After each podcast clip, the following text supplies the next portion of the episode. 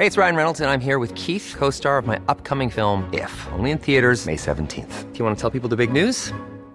All right, I'll do. Sign up now and you'll get unlimited for $15 a month in six months of Paramount Plus Essential Plan on us. Mintmobile.com slash switch. Upfront payment of $45 equivalent to $15 per month. Unlimited over 40 gigabytes per month. Face lower speeds. Videos at 480p. Active Mint customers by 531.24 get six months of Paramount Plus Essential Plan. Auto renews after six months. Offer ends May 31st, 2024. Separate Paramount Plus registration required. Terms and conditions apply if rated PG.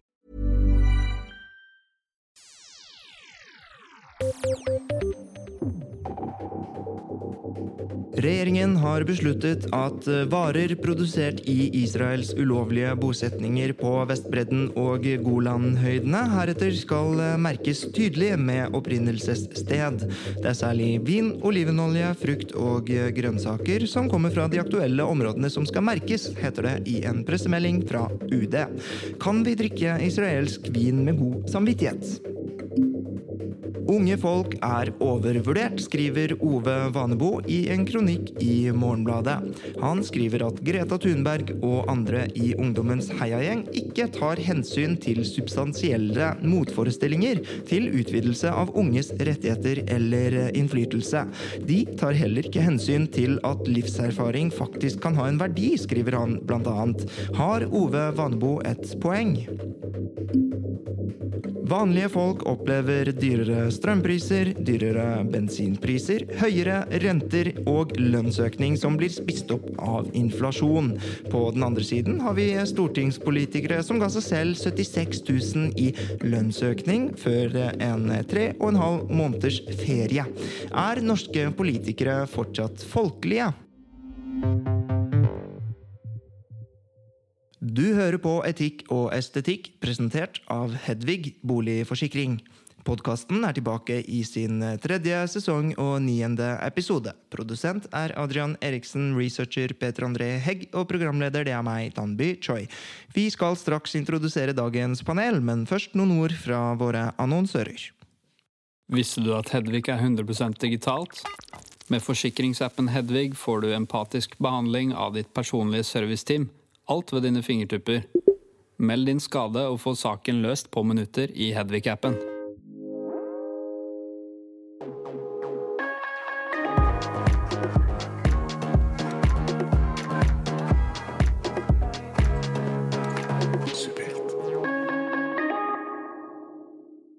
Dagens panel består av intet mindre enn påtroppende direktør i Munch-museet, Tone Hansen. Hansen er de siste årene blitt kjent som en lederfigur og museumsdirektør på kunstfeltet, som direktør på Henny Onstad kunstsenter. I tillegg er hun kunstner, kurator og kunstskribent. Hun er utdannet ved Kunsthøgskolen i Oslo og ved Kunsthøgskolen i Malmö. I perioden 2003 til 2008 var hun stipendiat ved Statens kunstakademi Kunstakademi med prosjektet Megamonstermuseum, og etter dette kurator på Henny Jonstad, hvor hun til slutt satt i direktørstolen, og der har hun vært siden 2011. Men ikke bare der. Tone Hansen var konstituert styreleder av Unge Kunstneres Samfunn fra 2003 til 2005, og mellom 2016 og 2019 var Hansen oppnevnt som leder for Norsk kulturråd. Og fra 1.10.2022 blir hun altså direktør ved Munch-museet i Oslo. Skal vi kalle det for et megamonstermuseum. Gratulerer og velkommen så mye til deg, Tone Hansen. Takk, takk, takk. Du, Hvordan går det å gå fra en privat stiftelse til et offentlig museum?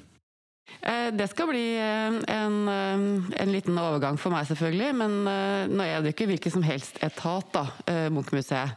Så det er en betydelig grad av frihet innenfor de rammene som er lagt av det politiske nivået der også.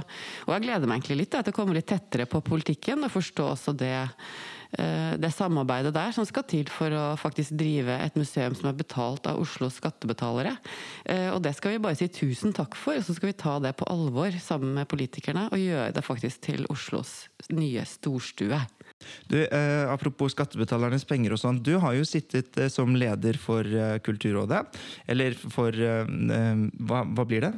Jeg har vært eh, rådsleder for Norsk kulturråd. det vil si at det er forvalta rundt en milliard i året av penger til kunst, kultur og tidsskrifter, ikke minst. Ja, og det vil jo si at Du er ikke direktør i Norsk kulturråd da, men du har likevel mer makt, på en måte, for du sitter jo liksom på pengesekken.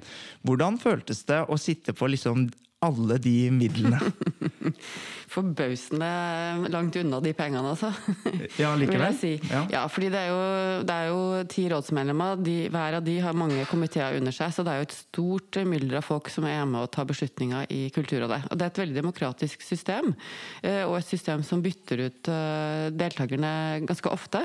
Så det er veldig få i norsk kulturliv som ikke har hatt et eller annet posisjon i norsk kulturråd på et eller annet tidspunkt. Så sånn sett så syns jeg det var veldig lærerikt å skjønne hvordan du kan distribuere makt da, eh, nedover til eh, en rekke andre. Og samtidig så er det jo utrolig viktig at man også respekterer det maktperspektivet man blir gitt, og bruker den posisjonen til å ta stilling og mene ting og få ting til å skje.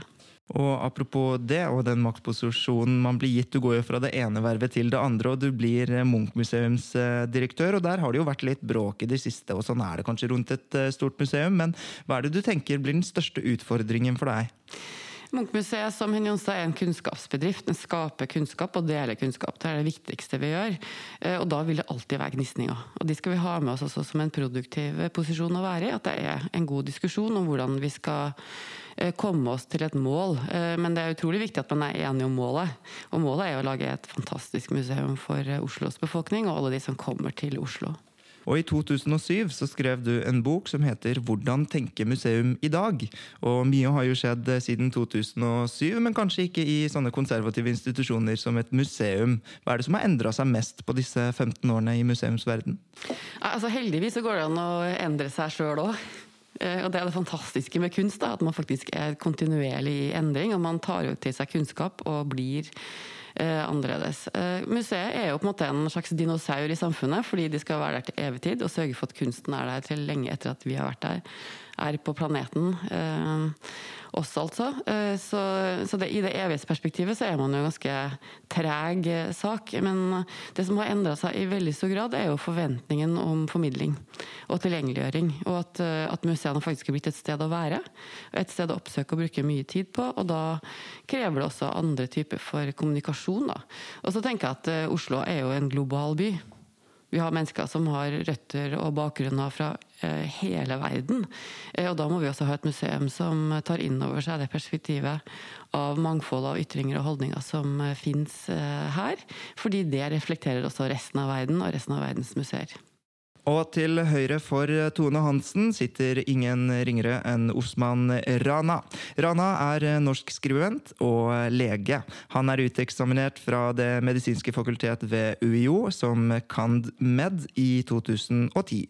I studietiden var han også leder for Muslimsk studentersamfunn.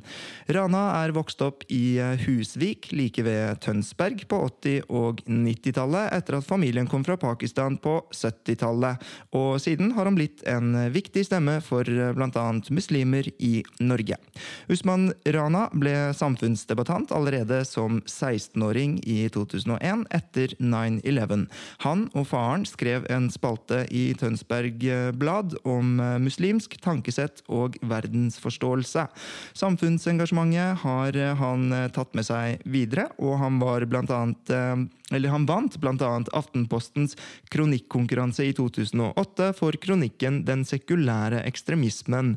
I 2016 ga han ut eh, boken 'Norsk islam hvordan elske Norge og Koranen samtidig', og der argumenterer han for at muslimer godt kan være sosialkonservative og praktisere en tro på tradisjonell måte, samtidig som de anerkjenner det liberale norske demokratiet. Han er også styreleder for tankesmien Wasila, som skal være premissleverandør for et uh, tradisjonalistisk muslimsk verdisyn.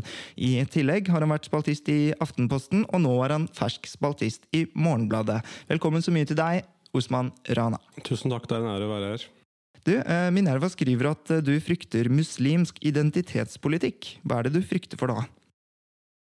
Jeg er litt redd for at uh, muslimer uh, i Vesten i økende grad uh, har blindt stolt på den ytre venstresiden.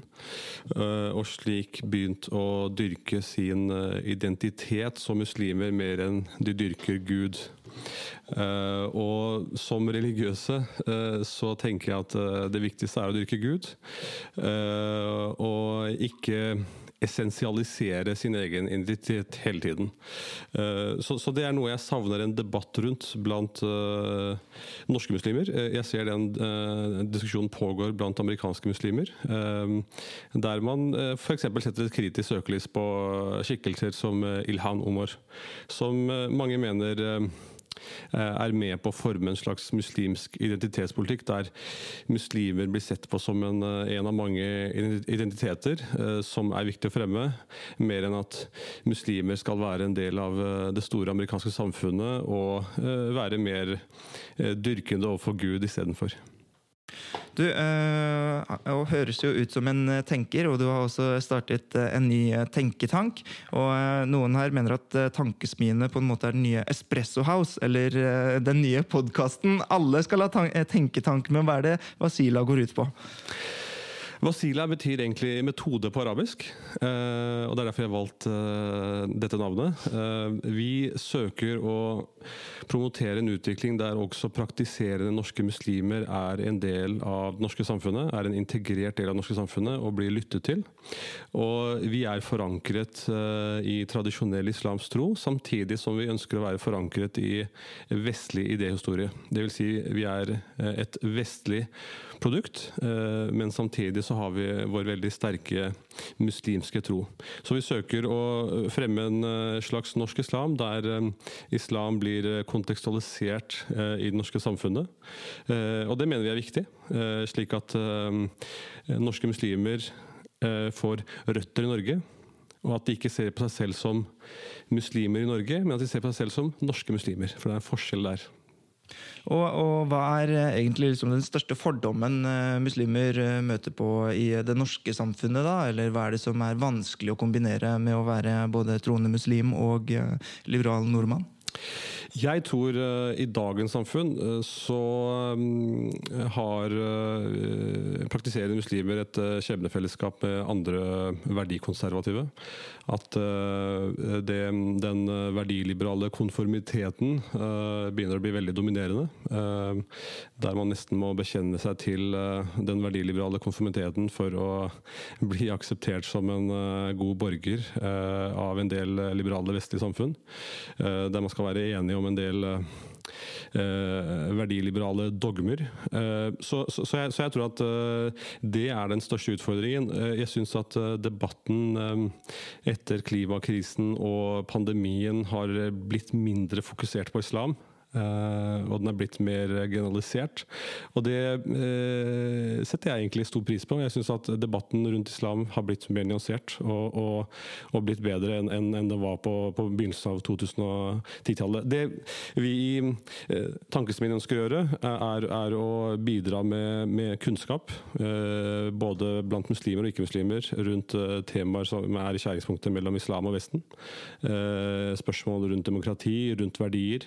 Så så vi ønsker å bidra med kunnskap, eh, debattmøter. Eh, vi skrev f.eks. en rapport ved, det forrige stortingsvalget om hvorfor eh, norske muslimer så overveldende stemmer på norsk venstreside. Ikke at det nødvendigvis er noe galt i det, men vi stiller spørsmålet hvorfor. Så da utga vi en rapport rundt det, og det, det er sånn vi ønsker å arbeide, gjennom, gjennom opplysning, kunnskap og fakta.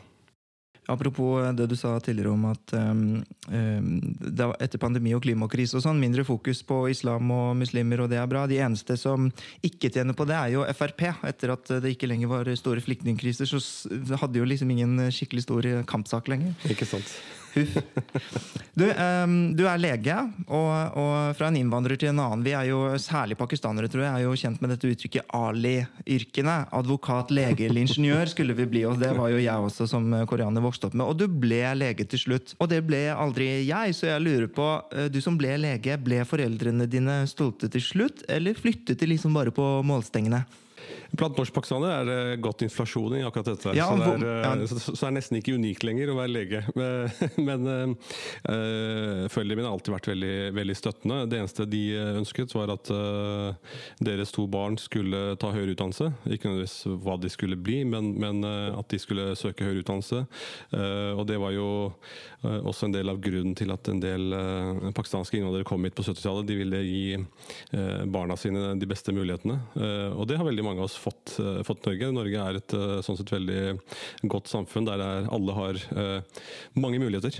Og, og det ble jo, som du sier, veldig mange pakistanske jenter jeg vokste opp på, og gutter, men jeg vokste opp på Oppsal, og alle pakistanske gutter og jenter rundt meg fikk, gjorde det så bra på skolen, og alle ble leger og sånn til slutt. Hvorfor tror du eh, at dere gjorde det så bra eh, i Norge? Jeg tror man ble møtt med tydelige krav hjemme også. At, at, eh, at man skulle bli noe. Eh, man fikk mye støtte, særlig rundt akademiske. Og så er det tradisjonelt blant pakistanere et, et fokus på dette med de tradisjonelle gode yrkene, som ingeniør, advokat og lege. Så det man ser nå, derimot, er, er en større variasjon blant, blant uh, de som er type ti år yngre enn meg. De studerer sant, mer um, humanistiske fag, historie, journalistikk, uh, religion.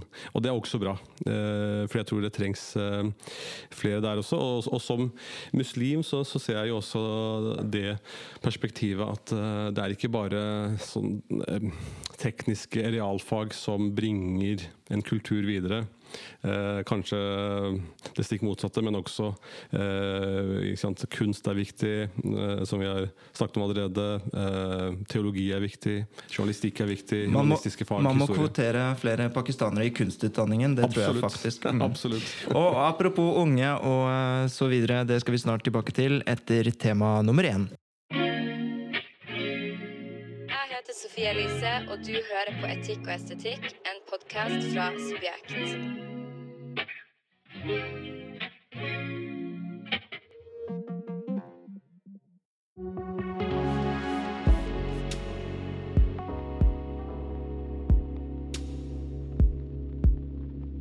Regjeringen besluttet at varer produsert i Israels ulovlige bosetninger på Vestbredden og Golanhøydene heretter skal merkes tydelig med opprinnelsessted. Det er særlig vin, olivenolje, frukt og grønnsaker som kommer fra de aktuelle områdene som skal merkes, heter det i en pressemelding fra UD. Kan vi drikke israelsk vin med god samvittighet, Tone Hansen? Nei. Kan vi drikke israelsk vin med god samvittighet, Usman Rana?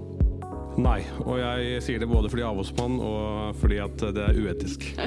Siden det kommer fra disse områdene. Men det er jo ikke sant, problemer i eh, alle land, eh, også hva gjelder territorielle områder. Hvorfor må man liksom merke israelsk vin, Tone Hansen?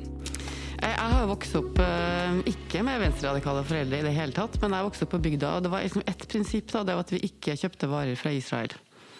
Eh, Det er veldig vanskelig å vite om du gjør eller ikke. Eh, Så jeg tror heller ikke den merkinga her kommer til å føre så veldig langt.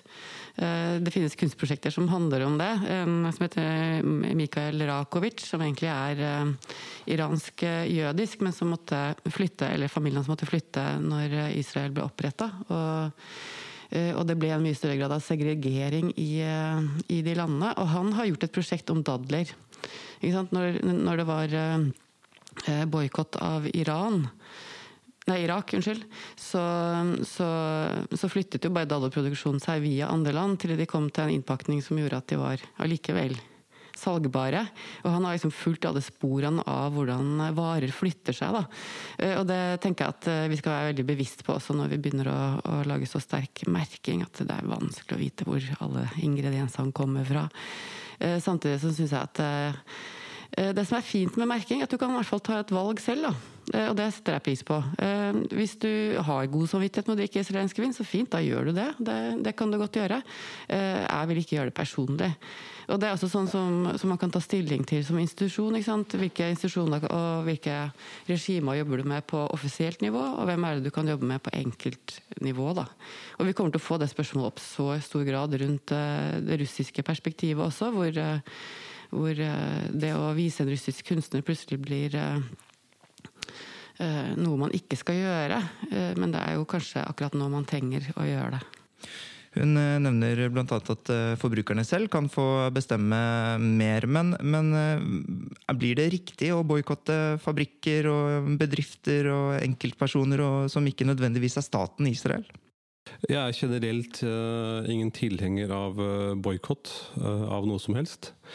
Samtidig så har vi noen ekstreme eksempler i verden i dag. Vi har hatt det historisk også. Sør-Afrika, apartheidregimet, der verden etter hvert ble ganske enige om en boikott, som hadde en del effekt. Nå er iallfall deler av verden svært enige om boikott av mye av det som kommer fra Russland, utenom oljen og gass, kanskje.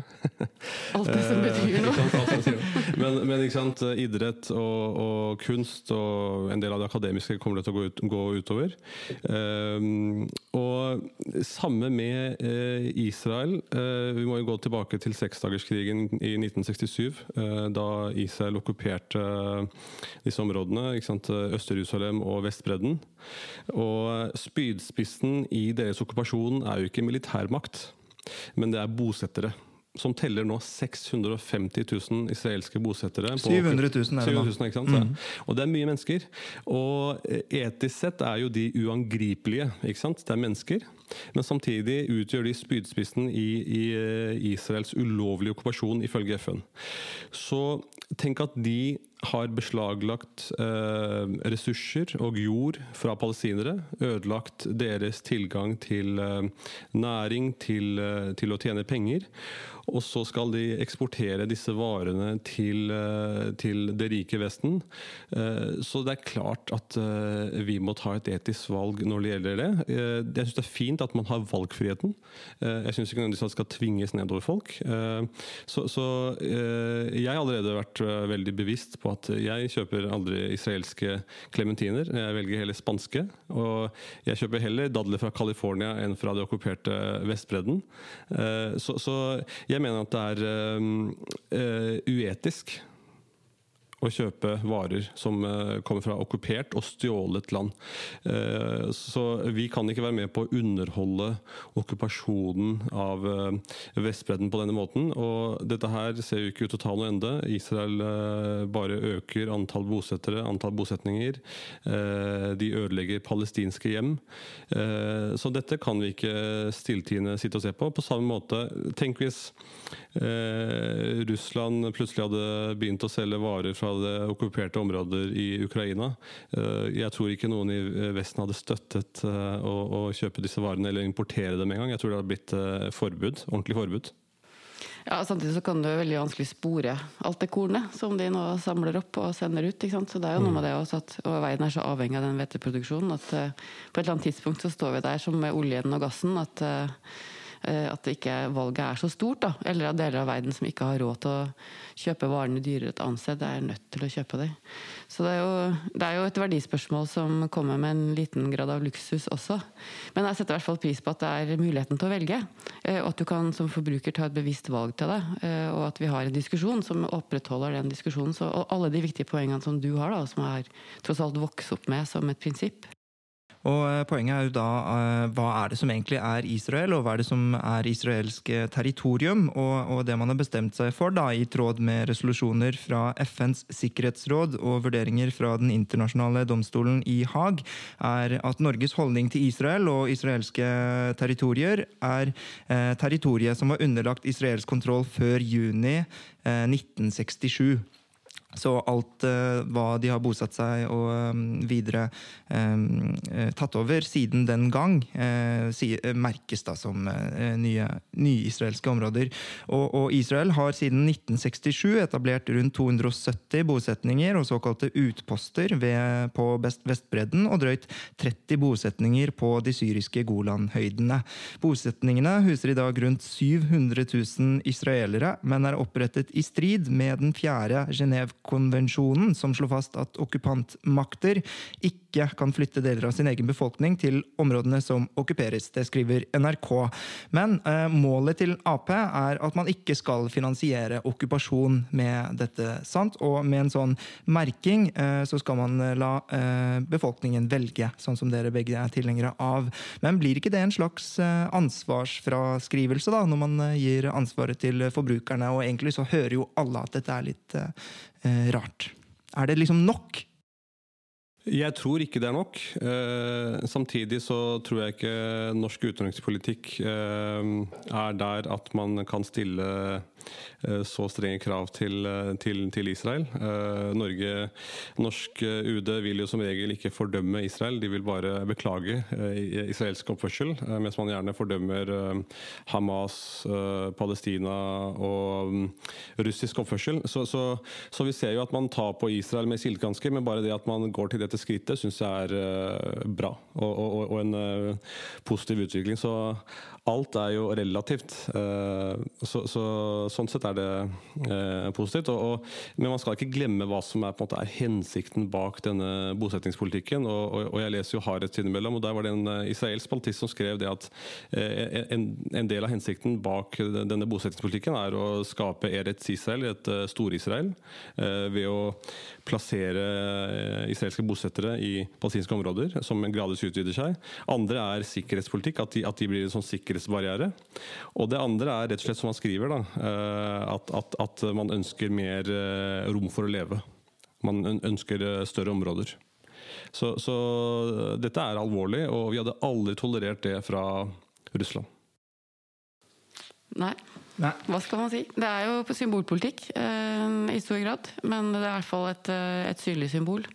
Eh, og så håpentligvis er det med på å holde diskusjonen oppe, i hvert fall bevisstheten rundt problemstillingen i Norge oppe.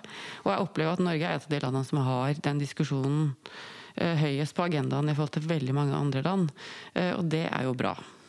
Og det er jo på en måte en prisverdig løsning på det. Egentlig Man bare merker og informerer, og det er jo ikke faktafeil i dette i det hele tatt. ikke sant? Eller noen politiske hvordan man merker dette, og så får man tolke det selv. Men hvis man da ser på dette som en løsning på mye, hva er det man skal begynne å merke?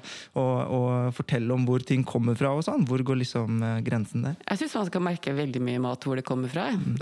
Når du handler kjøtt i, i Sverige, og det kjøttet er oppvokst et sted, kjørt over en grense, slakta et annet sted, så det blir et europeisk produkt. Mens du har jo veldig i stor grad lyst til å vite hvor maten din kommer fra. eh, Sånn at du kan ta et valg til hva du faktisk kjøper, da. Jeg er helt enig. Jeg syns mye mer bør bli merket. Uh, ikke nødvendigvis med noen fortegn, at uh, dette bør man ikke spise eller dette bør man spise, men at de som kjøper maten eller kjøper ting og tang, de de kan vite hvor, hvor dette er laget, hvor det kom fra. Og så kan man ta noen etiske avgjørelser selv. Vi er jo I Norge har vi en ganske oppegående befolkning som leser mye, som vet mye. Så, så jeg tror man kan eh, stole til en viss grad på menneskene som bor i dette landet, eh, uten å moralisere over eh, hvor ting eh, kommer fra. Så det skal man også være forsiktig mot? Eh, eller overfor, at, at, at man ikke skal eh, drive en slags sånn moralisering fra norske myndigheter, men at man eh, nøytralt informerer mennesker eh, hvor eh, gjenstander kommer fra, syns jeg er, er kjempefint. Det er jo akkurat som å lese eh, hva et, hva et eh, matprodukt inneholder av eh, ting og kalorier. Men jeg snakket akkurat med en, en dame som jobber med å undersøke hvor kobber kommer fra. Det kan du bare glemme. Det er veldig vanskelig. Når du skal kjøpe kobber inn til Norge, og du vil kjøpe etisk riktig, og du vil eh, kjøpe kobber som er, kommer fra, fra gruver som behandler folk godt, så er det nesten umulig å spore hvor kobberen kommer fra. Så det er, jo, det er jo noe med det også at i vårt globale samfunn så er det faktisk ganske vanskelig. De, de, hvor vet du om den oljen du kjøper, eller den, den uh, bensinen du kjøper, fyller på bilen din, kommer fra? Det er ingen som stiller spørsmålstegn ved det når du står ved pumpa. Kan jeg få velge mellom norsk eller russisk? Takk. så det er jo litt sånn da at vi, vi må bare ta det innover oss. Og så tenker jeg at det er litt skummelt om matfatet matfattet vårt også skal hele tiden være en politisk maktkamp. Den, Ja. er, den er en kamp for veldig mange andre ting òg, Ja, som ja. gir deg dårlig samvittighet. Så, så, så jeg tenker at folk får også lov til å spise godt. Apropos det, så er det òg for øvrig, du nevnte en kunstner som jobber med dette. Det er veldig mange interessante temaer innenfor både transport og logistikk og mat. Eh, Jeg husker jeg har lært både av eh, kunstnere om eh, disse EU-agurkene, som av liksom, logistiske grunner er så liksom, rette. Fordi at de kan ikke være bøyde fordi de skal inn i disse kassene. ikke sant? Så det er derfor alle de bøyde kastes. Og, og jeg husker på prosjektskolen en gang så hadde de et sånt kunstprosjekt hvor pall E-pall-pallene var, eh, eh, som alle kjenner til, eh, ble liksom resonnert rundt, og de lagde masse kule varianter av den. Men det handlet om, de fikk det til å handle om så mye, da, fordi at flyktninger har færre rettigheter i EU enn en sånn med E-pall-merket pall. da. Den kan Ja, men Det er jo helt riktig. Og Jumana Mana, en av kunstnerne som vi har jobba mye med på Henny Onsdag, har jo laget en film om det. Mm. Hvor, hvor lett et frø kan reise, og varer reiser, og hvor vanskelig det er for mennesker å reise. Men, Og så kan du begynne å spore sant? eh, hvor mennesker har vært, og hvordan de kommer til et sted, og, og, og se at, eh, at det er ikke eh, Du behandles ikke på samme måte. Så det, og kunsten kan jo være et sted for en, en dybderefleksjon mm. om de tingene der. Over de, de store spørsmålene som krever lang, lang tid å både finne ut av, men også stort rom for å diskutere. Som er noe annet enn å, å gå hardt til verks og slå hverandre i hodet med meninger, men heller utveksle ideer. Da. Og det synes jeg jeg ble veldig nysgjerrig på Wasila, egentlig, i forhold til at uh, vi trenger jo også så mye mer kunnskap om arabisk kultur. Uh, Og det er et hav av ting å lære der. Eh, Som, eh, som vi bare sulter etter. Og hele, hele alle gamle handelsveier, hvordan varer har kommet hit, hvor avhengig vi er av hverandre. Da. Det kan varer vise oss. Og det, det, Og dette kan vi se, det en må vi snakke mer om. og dette kan Det vi se i en utstilling på Munch-museet 23. oktober. Spennende. ikke sant? Det, kan- det kommer med en gang. Og det er jo uh, veldig igjen der. Og, og, og, og jeg vil si at uh, islamsk kultur og europeisk kultur har påvirket hverandre veldig mye. Uh, opp gjennom historien. Uh, og det ser man jo altså, Islam er jo på mange måter en vestlig religion, uh, vil jeg si. Vært til stede i Spania, Portugal lenge, Balkan. Ikke minst Balkan-konflikten. Eh, ikke sant? Så, så, og historisk å se på hvordan arabisk kultur påvirket gjennom sant, medisin, eh, kunst, arkitektur. Eh, og ikke minst at eh, veldig mange mener jo at eh, det var eh, araberne i middelalderen som, som eh, revitaliserte filosofer som Aristoteles overfor vestlige borgere som hadde glemt sin arv. Vi har jo alle lyst til å leve i et liberalt samfunn hvor det er plass til veldig mange ulike holdninger og meninger. eh, Og kulturer. Eh, Det er da vi får eh, de beste kjøkkenene og de beste kulturene og de beste diskusjonene, tenker jeg da. Og Norge er jo litt sånn i støpeskjeen også i forhold til det. Vi har ikke hatt innvandring så lenge som mange andre land. Eh, Og jeg syns vi er i ferd med å lage et samfunn som er langt mer spennende enn mitt bleke 70-tallsunivers på bygda i Klæbu. Yo! Det er Uge Marstein eh, her, fra Undergrunn Klikk. Du hører på Etikk og estetikk av Subjekt.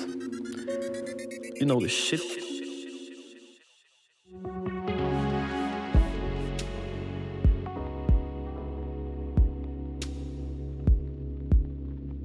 Unge folk er overvurdert, skriver Ove Vanebo i en kronikk i Morgenbladet. Greta Thunberg og andre i ungdommens heiagjeng tar ikke hensyn til substansielle motforestillinger til utvidelse av unges rettigheter eller innflytelse.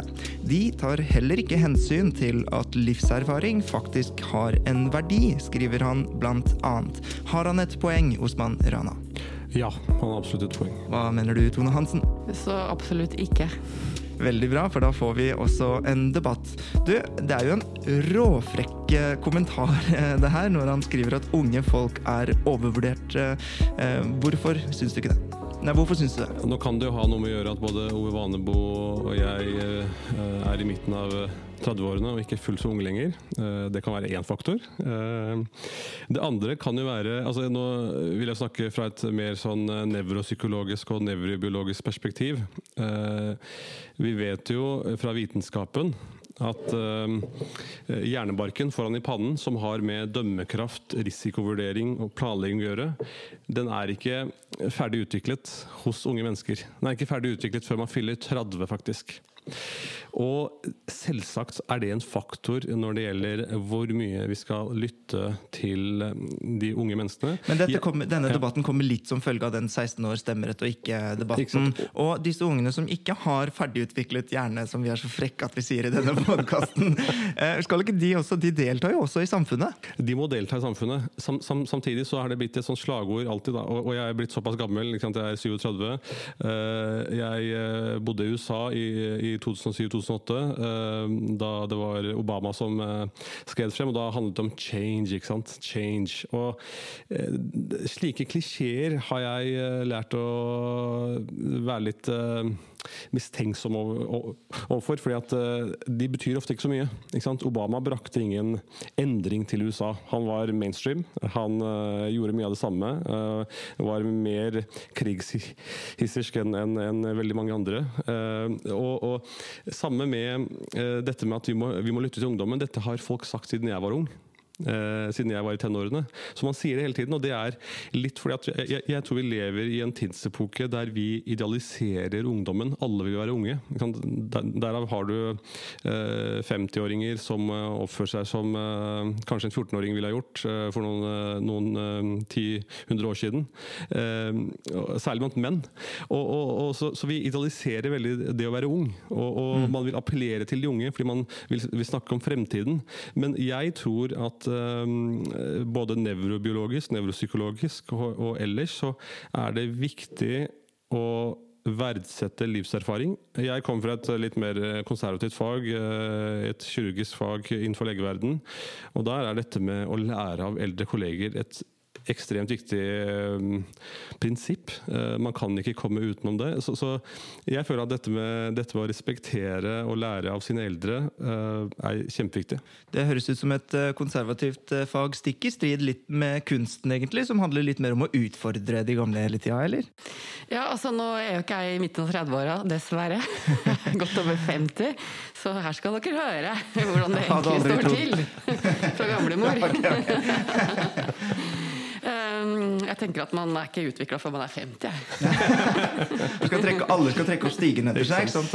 Ja, sånn er det. Nei, du, jeg tenker at uh, Vane må bare passe seg for Det er fint å skulle være verdikonservativ, men du trenger ikke å bli en gammel gubbe for det. Det fins veldig mange andre måter å være det på. Selv om du er midt i 30-åra. Så tenker jeg at uh, jeg sier bare heia de unge. Jeg syns det er helt vilt bra. Fordi min hjernebark er i hvert fall ikke så fleksibel lenger. Og, og jeg har godt av å bli utfordra. Og desto eldre du blir, desto mer må du utfordres for å holde hjernen i live. Og hvis, eh, hvis eh, risikoaversen skal være det som definerer oss eh, i kulturfeltet, så blir det kjedelig å jobbe på kunstinstitusjoner. Så da sier jeg heller å få et spark i leggen av Greta Thunberg er eh, vel fortjent for, eh, for min generasjon. Da. Fordi det er de som skal ta over kloden. Det er de som ser konsekvensen av de handlingene vi tar. Så, så jeg tenker at, eh, at de utvikler en evne og en vilje og en trygghet i det å mene ting og ta plass, det setter jeg enorm pris på. Jeg skulle ønske det var sånn når jeg vokste opp. Jeg. Eh, Samtidig så har vi lagd et samfunn hvor det er Når du tipper 50-60, så blir du ikke nødvendigvis så attraktiv lenger. og det det er jo et problem. Det er jo et hvis problem, vi er det det. også. Og jeg vet ikke hvor, eh, hvor gammel den eldste som har vært med i eh, panelet her, har vært noensinne. Men det er klart at man bør jo faktisk sørge for at man har et perspektiv fra 80 til i hvert fall eh, 18, da, om ikke 16. eh, For å få et, eh, et større perspektiv inn i diskusjonen. Og når jeg hører på ungdomspolitikere, da tenker jeg oh shit, de er dyktige, altså. De kan argumentere.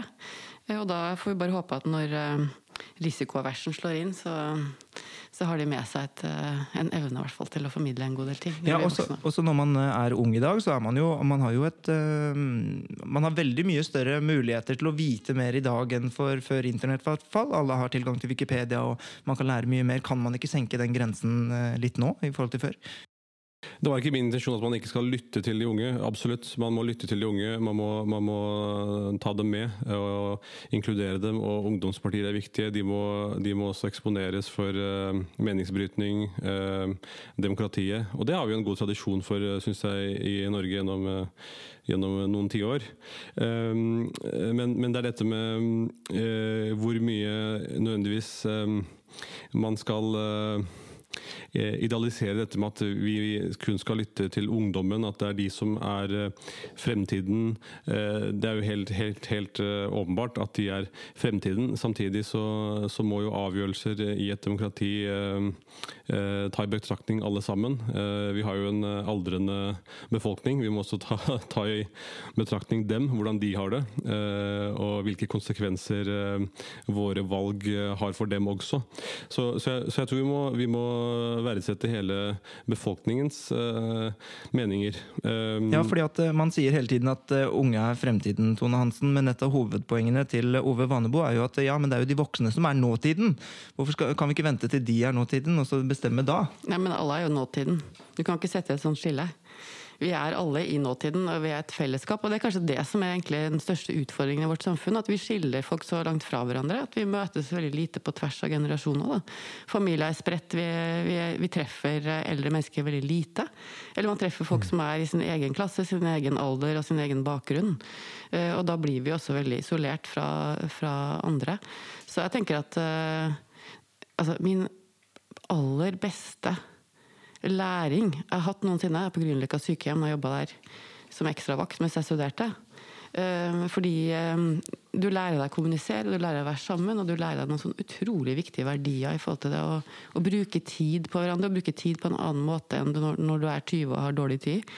Eh, Og så, og så får du så utrolig mye igjen. Eh, Moralsk og etisk eh, med det, eh, når du gjør den type arbeid, f.eks.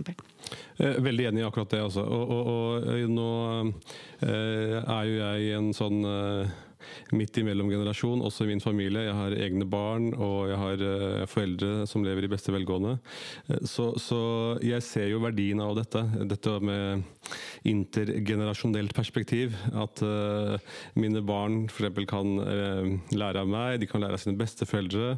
Og kanskje omvendt også. At vi kan lære av våre barn, og at mine foreldre kan lære av meg. Så, så den utvekslingen er kjempeverdifull, og at man møtes ofte eh, mellom ulike generasjoner. Eh, så alle, alle har sin ulike verdi, eh, men samtidig syns jeg ikke skal glemme dette med, dette med livserfaring. Og du er inne på dette med Danby, at, at uh, unge i dag leser mye uh, og har tilgang til internett. Samtidig så vil jo en kritiker av det kanskje si at, uh, at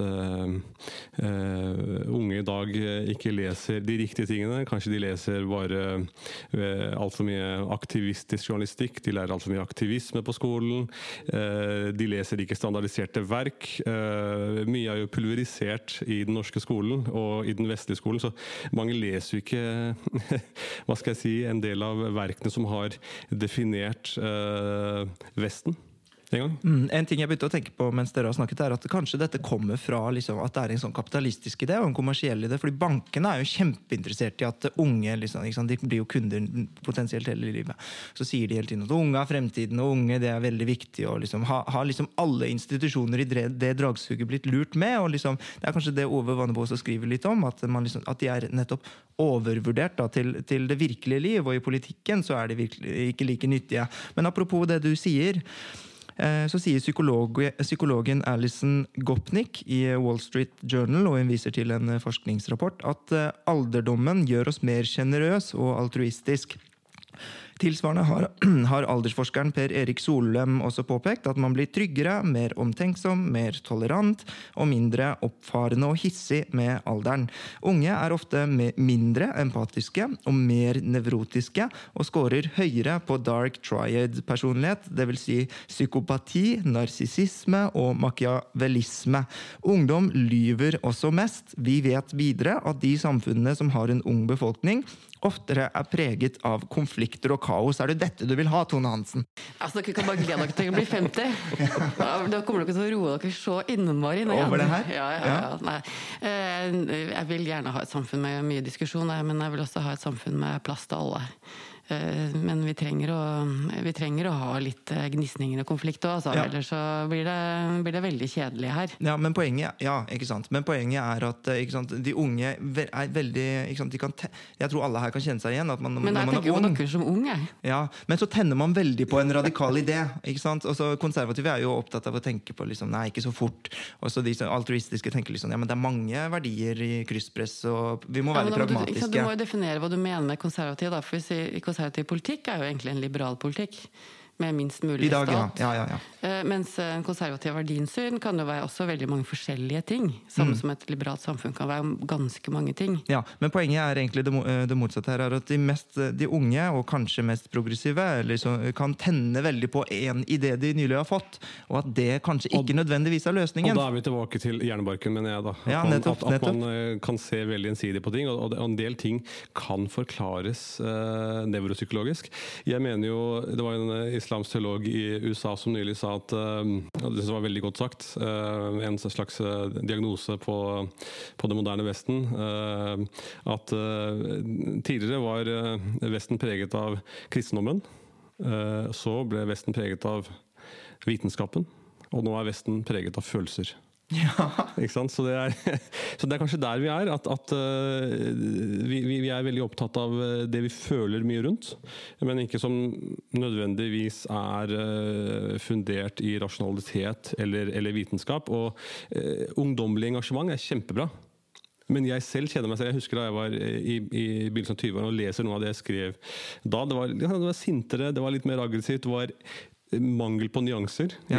Og det, og det ser jeg i dag, at jeg er mye flinkere til å se nyanser. Men, Ja. er, men er det ikke en verdi sånn in large, selv om vedkommende eller du som ung eller jeg som ung tok feil, at at det er nye som liksom sparker folk i leggen, som Tone Hansen sier? At det er bra med gnisninger, og at man at det- foreslår nye ideer? Men ikke at det nødvendigvis eh, skal være et argument i seg selv. Da må de, den aktivismen møtes med kritikk på samme måte som alle andre møter kritikk. Eh, Og da kan man ikke argumentere med at dette er bra fordi det kommer fra en uh, ungdom. Akkurat som man ikke kan si at uh, hvis uh, noe er liberalt, så er det bra i seg selv fordi det er liberalt. Og det er jo litt av også utfordringen i samfunnet i dag. At, men det syns jo jeg. Jo, jo, det, det, og det er sikkert bra. Men det er jo sånn at alle, skal den, argumentere for sin skyld. Ja, ja, ja. Ja, men det er sånn at den kronikken til Vannbo går akkurat i samme fella. Han mener veldig mye om andre. Og det er som regel lettere å ta en god diskusjon hvis man starter med seg selv, og hvor man står egentlig også kunnskapsmessig, da. Eh, og da blir det litt eh, gammel gubbe eh, over det hele, tenker jeg. Uten at jeg skal snakke ned gamle menn, altså. Men han er vel bare 39, er han ikke Jo, Jo, jo, jo. Ja. Men, men gammel gubbe er en tilstand. Gammel gubbe i en, et ung, i en ung kropp. Nei, jeg heia de unge, sier jeg bare. Visste du at Hedvig er 100% digitalt? Med forsikringsappen Hedvig får du empatisk behandling av ditt personlige serviceteam. Alt ved dine fingertupper. Meld din skade og få saken løst på minutter i Hedvig-appen.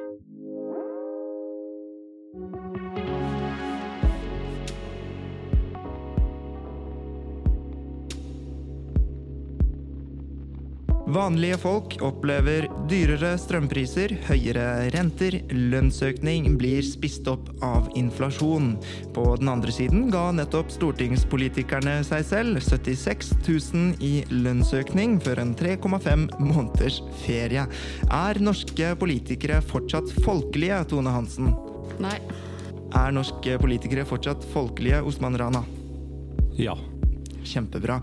Du, eh, tre og en halv måneders ferie, høres det folkelig ut? Høres deilig ut. Ja, Eller høres egentlig litt kjedelig ut å ha så lang fri. Hadde jeg ikke visst hva jeg skulle funnet på, så jeg tror jeg hadde starta et nytt kunstsenter i så fall. Og ikke begynt å organisere folk, i hvert fall. Men eh, du Nei, jobber jo for en etat nå, og under Snart. politikere. Og så våger du likevel å sparke oppover. Da må det være viktig. Hva er det du mener eh, politikerne ikke gjør folkelig? Nei, men du kan, ikke, du kan ikke si er alle politikere ikke folkelige. Det er jo et spørsmål om hva slags struktur de kommer inn i eh, etter å ha vært, blitt folkevalgt, hvor det absolutt er, kommer fra en del av folket. Jeg tenker at eh, jeg syns at politikerne fortjener godt betalt. Eh, De gjør en kjempeviktig jobb, og det er utrolig tøft å stå i. Eh, Og det er vanskelig å komme tilbake til en, nødvendigvis en, en annen jobb etterpå. Så jeg, jeg syns de fortjener en helt grei lønn. Det jeg har problemer med der, og veldig mange andre deler i samfunnet, er når det begynner å lages for mange spesialordninger, så at alle begynner å snuble. Så du vet egentlig ikke hva du har å forholde deg til, og da går det gærent i alle retninger. Og det har vi jo sett med alle godene som tillegges. Så jeg syns jo at eh, det er mye bedre å gi en høyere lønn og ta vekk alle rare ordninger enn å enn å ha masse rare ordninger og en lav lønn. Eh, for da, da, liksom, da får du ordne deg sjøl. Eh, min styreleder på Henny Jonstad Kunstsenter eh, sa til meg når jeg ville ha betal, jeg ville ha at jeg ville at jobben skulle betale min personlige trener. Og så sa han nei, det gjør vi ikke, men du kan få to lønnstrinn, og så kan du ordne det sjøl. Og det er et veldig greit prinsipp, altså. Da er liksom rammene ryddig. Tre og en halv måneders ferie er jo nesten litt rart, syns jeg. Fordi det, politikken stopper jo ikke. Resten av verden har jo ikke ferie på samme tid som oss. Så jeg tenker at de hadde kunnet fått uh, grei lønn. Uh, ordne bolig selv, uh, og ikke minst ha ferie som alle andre. Ja, Det høres jo egentlig ut som det er mange ting her man kan ta tak i for å gjøre det mer folkelige, men du velger å forsvare dem likevel? Jeg sammenligner litt med andre land. og Min far kom fra Pakistan på 1970-tallet, og han fortalte meg i går at han hadde besøk fra Pakistan, og de var ute og spiste. Uh, og så så de uh, vår forrige statsminister Erna Solberg vandrende rundt på gaten alene. Og han har fortalt disse pakistanske vennene som kom fra Pakistan at dette er uh, vår forrige statsminister. de var ja vel, hvorfor går hun rundt alene på gaten? Så, så, jeg mener at den tilgjengeligheten norske politikere tilbyr til folket sitt. Eh, at de er til stede, de er lett å komme i kontakt med. Eh, de har ikke så mange goder som, som eh, politikere kan ha i andre land. Så gjør det at de er ganske folkelige. Jeg syns de er stort sett gjør en god jobb. De, er, de deltar i debatter. De ønsker å bidra til at folk flest skal få et bedre liv.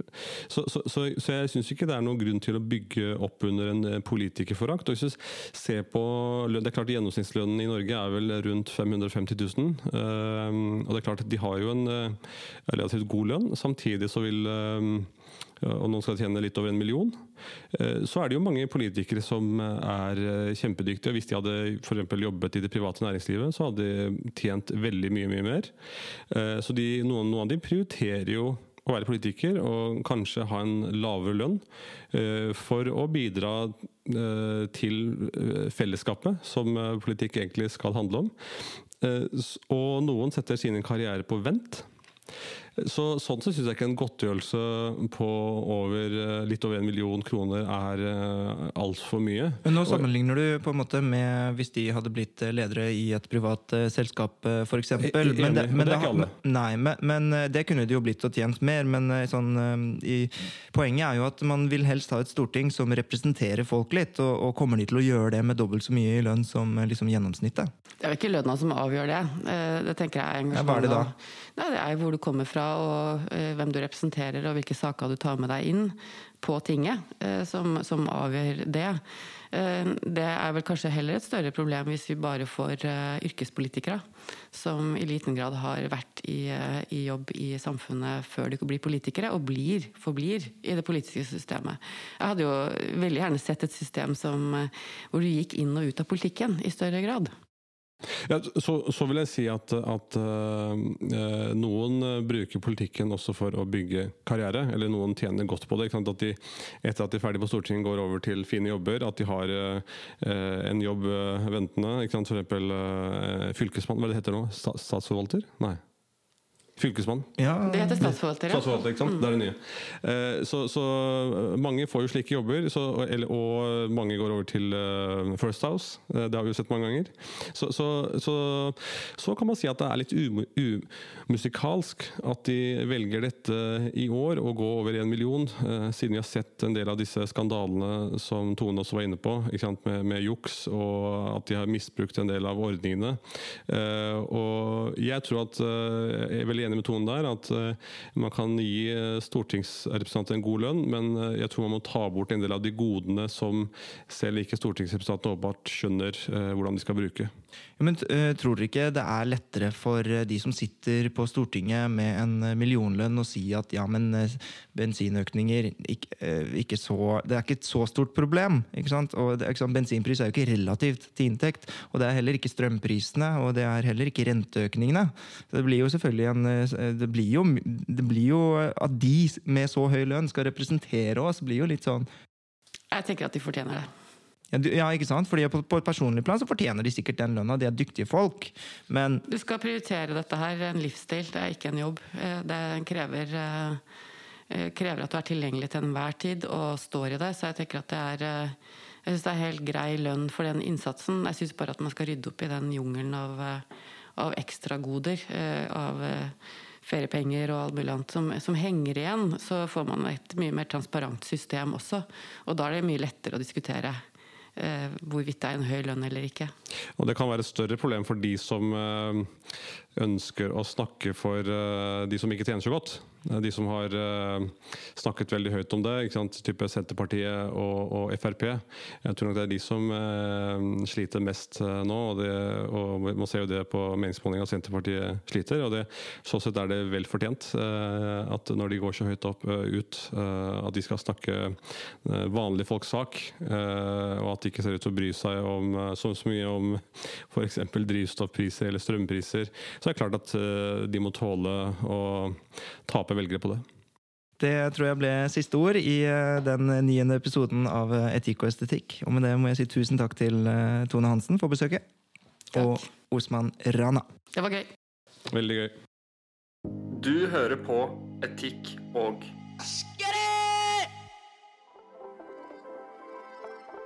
I tillegg til eh, våre gjester, tusen takk til forsikringsappen Hedvig for å presentere podkasten Etikk og estetikk, og til eh, stiftelsen Fritt Ord, som har eh, muliggjort denne podkasten.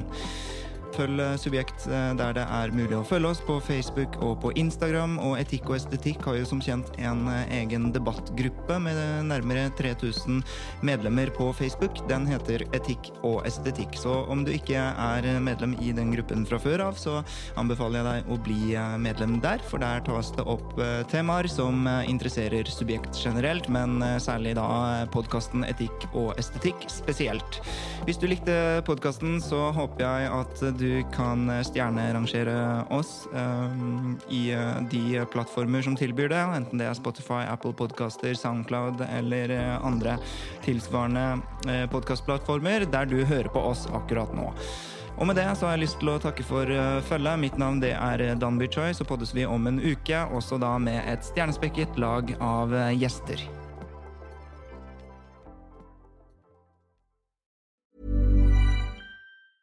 Even when we're on a budget, we still deserve nice things. Quince is a place to scoop up stunning high-end goods for 50 to 80% less than similar brands. They have buttery soft cashmere sweaters starting at $50, luxurious Italian leather bags, and so much more. Plus, Quince only works with factories that use safe, ethical, and responsible manufacturing. Get the high-end goods you'll love without the high price tag with Quince.